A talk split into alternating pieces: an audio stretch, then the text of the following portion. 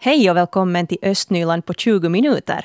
Podcasten med de bästa bitarna från den östnyländska morgonsändningen. Mira Bäck har kommit med här i studion. Hon är vår morgonreporter idag. God morgon. God morgon, god morgon. Äh, Strumphittarna, Mira, är det något du är bekant med? no, jag tog reda på lite igår när jag började fundera, att vad, vad är det här riktigt? Men det här är alltså uh, ett äh, koncept som helt enkelt går ut på att uh, runt om i landet har gjort sådana här strumpdockor, handdockor av, av gamla strumpor och skickat in dem och, och sedan har de här strumpdockorna då sinsemellan tävlat i en sån här musiktävling. Okej, det låter ganska spännande. Ja. Så alla, alla bidrar, då alla barn som vill, med sin egen strumpdocka och sen gör de en massa spännande saker i TV. Ja, de sjunger och dansar och håller på. Det är lite som en sån här Eurovision i, i miniformat. Jättekul. Och vinnaren av årets strumphittare finns faktiskt här i Östnyland. Ines Bäckman heter hon och är fem år gammal och bor i Hummansby i Lovisa. Och hennes strumphanddocka heter Mats Uggla. Och den gjordes en dag i våras medan lillebror sov. Det kan vara bra det, att man gör det medan lillebror sover, så stör inte lillebror där i arbetet. Och den här rödsvartrandiga bomullstrumpan fick bland annat pappas solglasögon. Vi gjorde ögon på björnen. Och var hittade du de där fina solglasögonen? Eh, I skåpet. I skåpet? Var det, var det dina solglasögon? eller Nej, det var pappas. Men de hade något sånt här som man igen hade hit i öronen. Okej, så ni, ni fick sätta något annat band på det då? Nej, Nej, vi limmade dem där. just det. Och sen så fick han ett otroligt fint hår. Hur blev det just det, sånt här silverhår? Eh, Hittade ni någonting i kök? Nej, det var egentligen sånt där något... Där prassel, prassel. Prassel, prassel. Ja. Ja. Och det prasslade ganska mycket när han rörde på huvudet.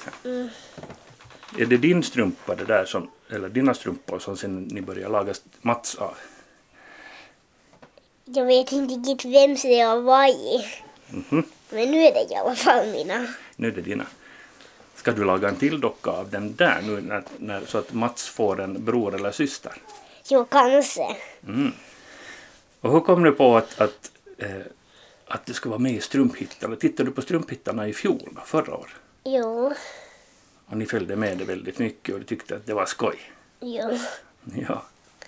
Men ni har säkert följt med det här, de Eurovisa och liksom följt med hela tävlingen. Hur, hur har den där känslan varit när det har gått framåt? Ja, no, vi visste ju inte att den skulle vara med i semifinalen heller. Så när hon råkade se på bokklubben och så ropade hon att mamma, mamma, min strumpa i TV. Så det var riktigt rolig överraskning. Ja. Ja. Men ni, ni, hur, gick, hur går det till? Hur gick det till? Ni, ni lagade strumpan eller hur visste ni om att ni skulle få skicka den till, till bokklubben? no, de hade i bokklubben då i våras att man fick skicka in sin strumpa. Jag tror det var redan i mars som vi skickade in den. Men sen visste vi ju inte något efter det före den kom i TVn. Just det. Så det var riktigt skojigt sen när Vi den var visste dit. inte om den skulle vara alls i strumphyttan, om det var publik eller vad det nu sen var. Just det, för det, det är ganska många strumpor som skickades in tydligen. Ja, jag vet inte alls hur Ja. många det har Men ni har tittat på Strumphittarna så ni, Ja. ni har följt med det? ja. Ja. Eh, Men hur lång tid, nu måste jag fråga dig, hur lång tid eller hur jobbar ni med, med Mats? Jag tror vi satt och pysslade alltid när lillebror sovde. Men att inte kanske någon dag. Ja. Var, var hittar ni de här materialen som ni använder? Vi hittade nog dem bara i skåpen. Allt som vi råkade Ja. ha hemma. För det blev ju en riktigt fin strumpa. Alltså det, det, det, flera andra strumpor så hade de lagat ganska pråligt och så vidare. Men jag tyckte att Mats liksom var en karaktär. Han liksom hade ett ansikte och han, hade, han såg väldigt levande ut. Att, Vi hade råkat just lyssna på Magnus Uggla lite så tyckte hon att den skulle lite likna Magnus Uggla. Så just det. blev det Mats Uggla. Det kunde ju inte heta Ma- Magnus Uggla. Nej, det måste ha ett annat namn, ja. Har ni funderat, ska ni, ska ni fira det här på något sätt med något keku, stoppa keku eller något annat fint? Nej. Nej, vad säger mamma? Vi får se vad vi hittar på. Kanske vi måste ha någon något lite. Vi firade den igår lite ihop med farsdagen så Just det. såg vi på det. Ja. Nästan alla som var släktingar såg på det. Mm. Vill du vara med i Strumphittare nästa år igen och försöka vinna på nytt? Ja, jag tror nog det. Du tror Att det? Mats Uggla bror ska gå dit och sjunga. Ja, vi får se om det blir en bror där till Mats Uggla. Vi hörde Ines Bäckman och före henne mamma Emma Bäckman och det var Leo Gammals som var reporter. Och ni kan ju avgöra själva om ni tycker att Mats Uggla här påminner om Magnus Uggla, för vi har en webbartikel på svenska.yle.fi östnyland där det finns en bild av den här strumphittardockan som klarar sig bäst här i tävlingen. Och vi har också en liten video här med Ines, så kolla in vår webbplats.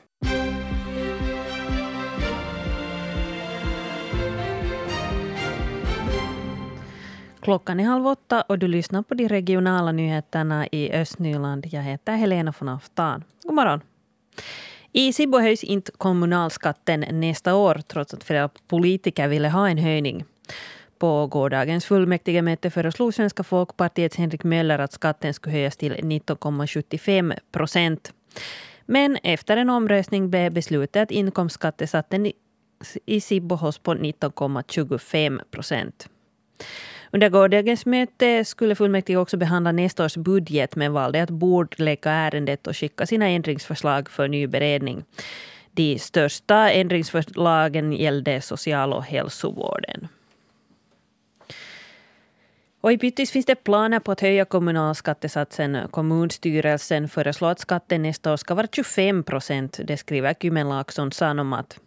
Eh, I år är skatten 20,25 procent. Pyttis kommunstyrelse kom fram till att de vill höja skatten efter en tajt omröstning. Samlingspartiet SFP och Samsvinländarna skulle ha understött en lite mindre skattehöjning men de fick inte sin vilja igenom och det här ärendet ska ännu behandlas av fullmäktiga i Pyttis. Och poststrejken som började igår, ja, det betyder ju att brev inte når fram.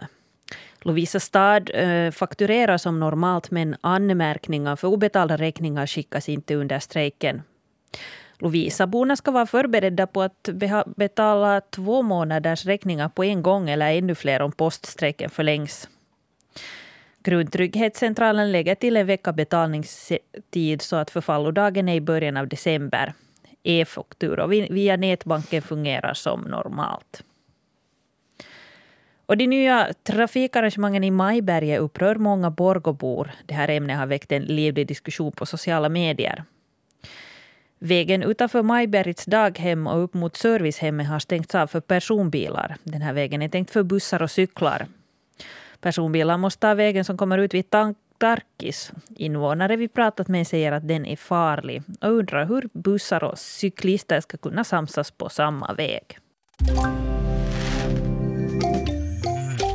Nu ska vi gå över till en debatttävling. Det var så att det ordnades igår den första deltävlingen av fyra deltävlingar i debattävlingen för studerande på andra stadiet i Svensk Finland. Och den här deltävlingen den ordnades i Yrkesinstitutet Praktikums lokaler i Arabiastranden i Helsingfors. Och jag var faktiskt inbjuden att medverka som en av tre domare här i den här debattävlingen. Och det var ett väldigt intressant uppdrag. Samtidigt var det ju jättesvårt också eftersom lagen, speciellt här i den avslutande debatten, var väldigt jämna. Så jag kunde inte annat än konstatera att det är verkligt duktiga och begåvade elever i de här skolorna som var med. Och med och debattera under dagen var ett lag från Borgå gymnasium, ett lag från Lovisa gymnasium och ett lag från Praktikum. Och först mötte de här lagen varandra i tre olika debatter.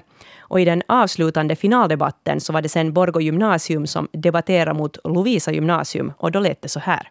Vi är alltså för att man ska införa enbart vegetarisk kost i skolorna och vi motiverar det här med att köttproduktionen är bland den största boven i klimatförändringen.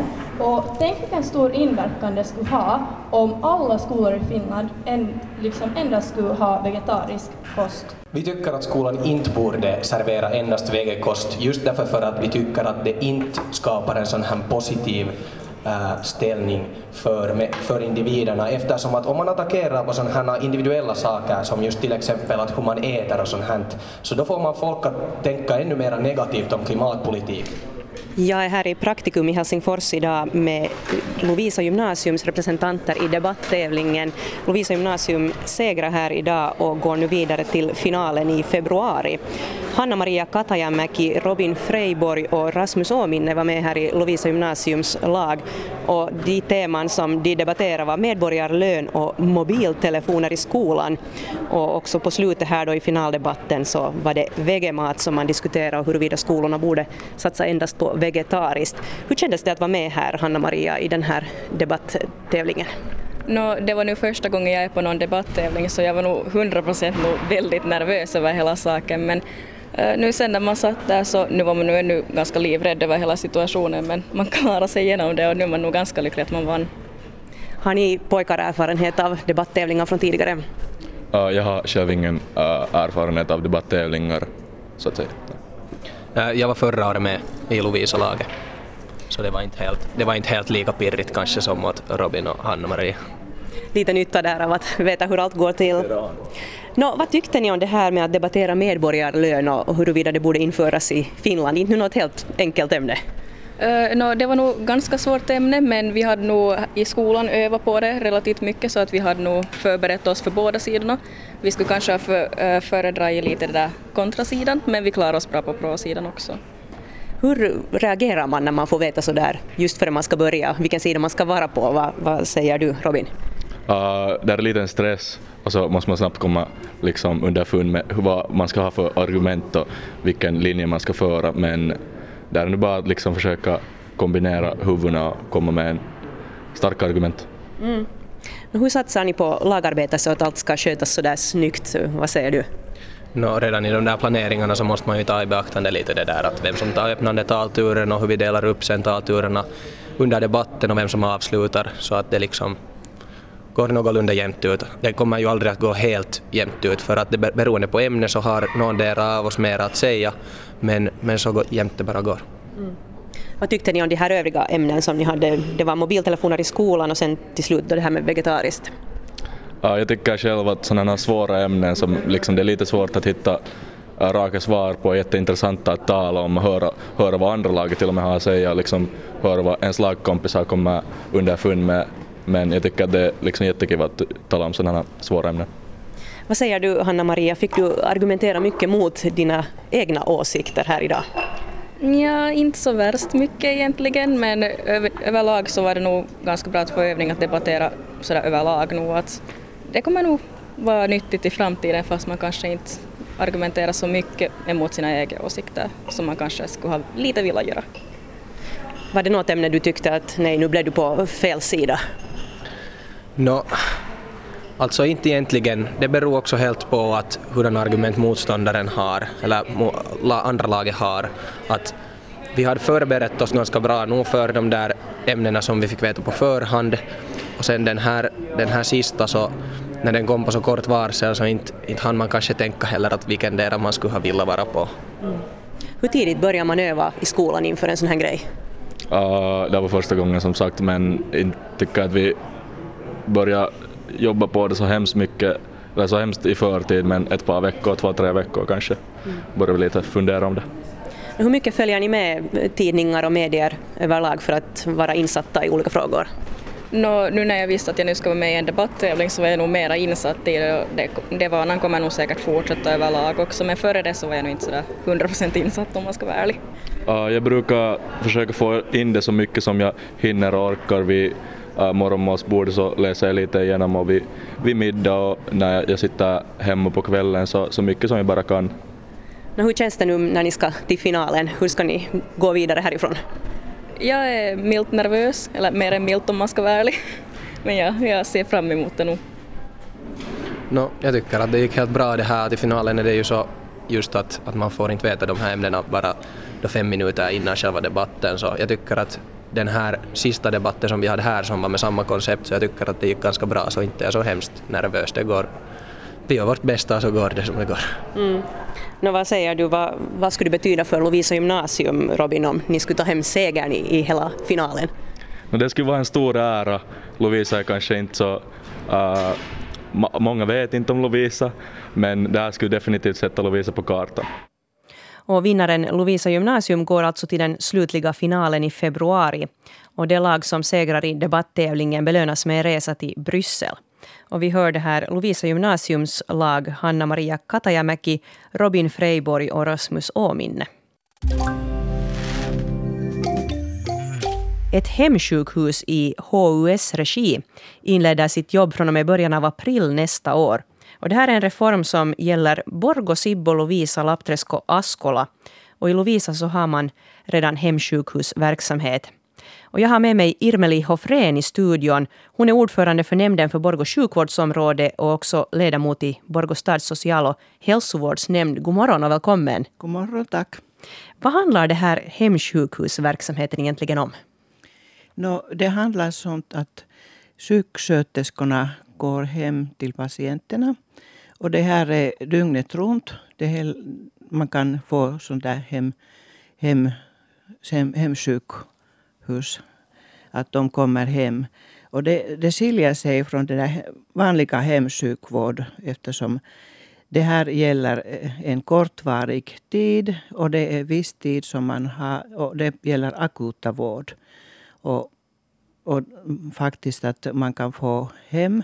Och det är sånt ett alternativ att man behöver inte åka till sjukhus och få sån där vård. Och det gäller eh, om man säger först och främst såna lite äldre patienter som, som har som sådär palliativ vård och, och sånt där i, om man säger i livets i livets slutskede.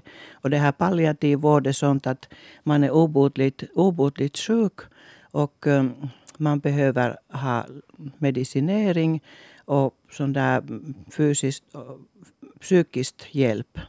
Just det. Mm. Så istället för att man på något besvärligt sätt skulle behöva ta sig till sjukhus så, så kommer vården hem till det egna hemmet istället? Ja, just det. Då, då slipper man såna eh, ansträngande eh, väntetider på akuta mottagningarna och, och man får den där hjälpen hem.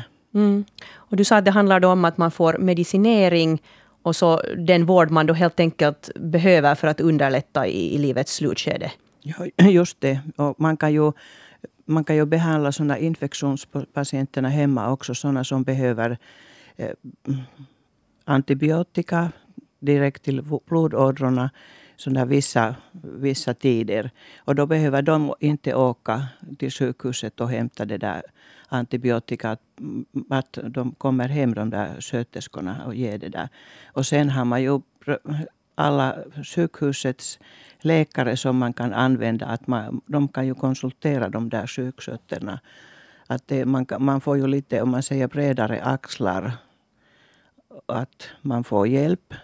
Och det finns ju specialläkare där på sjukhuset som alla vet. Och sen finns det en stödavdelning här på Näse hälsocentralen. Att eh, det här är frivilligt. Att man behöver inte, om man inte vill, man behöver inte ta det här, den här vården. Man kan ju vara där på bäddavdelningen också. Där på, sjuk, på Näse finns sån där bäddavdelning avdelning som de är specialiserade sån där palliativ vård och sån där vård. Att, att det, det är sådana alternativ. Mm. Mm. Nu har det då funnits eh, en efterfrågan på den här typen av, av tjänst, eller vad beror det på att ni just nu har mm. valt att gå in för det här från och med april? Jo, det har funnits eftersom det är mycket, mycket stressigt, om man säger så, till sådana äldre och, och sjuka personer som, som ska åka till sjukhuset fram och tillbaka och sådana som också vårdas hemliknande miljö, om man säger någon servicehus, då behöver, man inte, då behöver de inte åka till sjukhuset heller fast sjuksköterskorna kan komma till dem. Att det sparar tid och det sparar patienterna också. Mm. Nå, finns det några utmaningar här nu när ni ska börja med det här nya projektet? Nå, nu finns det också att, att man får sköterskor. Det, det är ju brist på sköterskor som vi vet. Och det är ju många saker som man måste förbereda innan det kan börja. Och där finns ju det där patientsystemet eller det där Apotti. Som man, och därför väntar man till första april att sjukhuset här och hela hus har det där Apotti patient Ja, sådana datasystem. datasystem mm. ja, och att det blir färdigt. Då man, därför väntar man så länge att allt är färdigt. Man kan ju använda den, den också sen här i det där hemsjukhus. Just det. Så, så ganska mycket nytt blir det, både med nytt datasystem jo, och också det det. hur man jobbar på, på ja. fältet. Mm. Hur har personalen ställt sig till, till det här? No, inte, jag vet inte riktigt, men nu går det säkert bra. Mm. Vi hoppas Precis. i alla fall. Ja. Östnyland på 20 minuter är en Svenska Yle-podcast. Det finns flera poddar på arenan. Jag heter Katarina Lind. Tack så mycket för sällskapet. Vi hörs.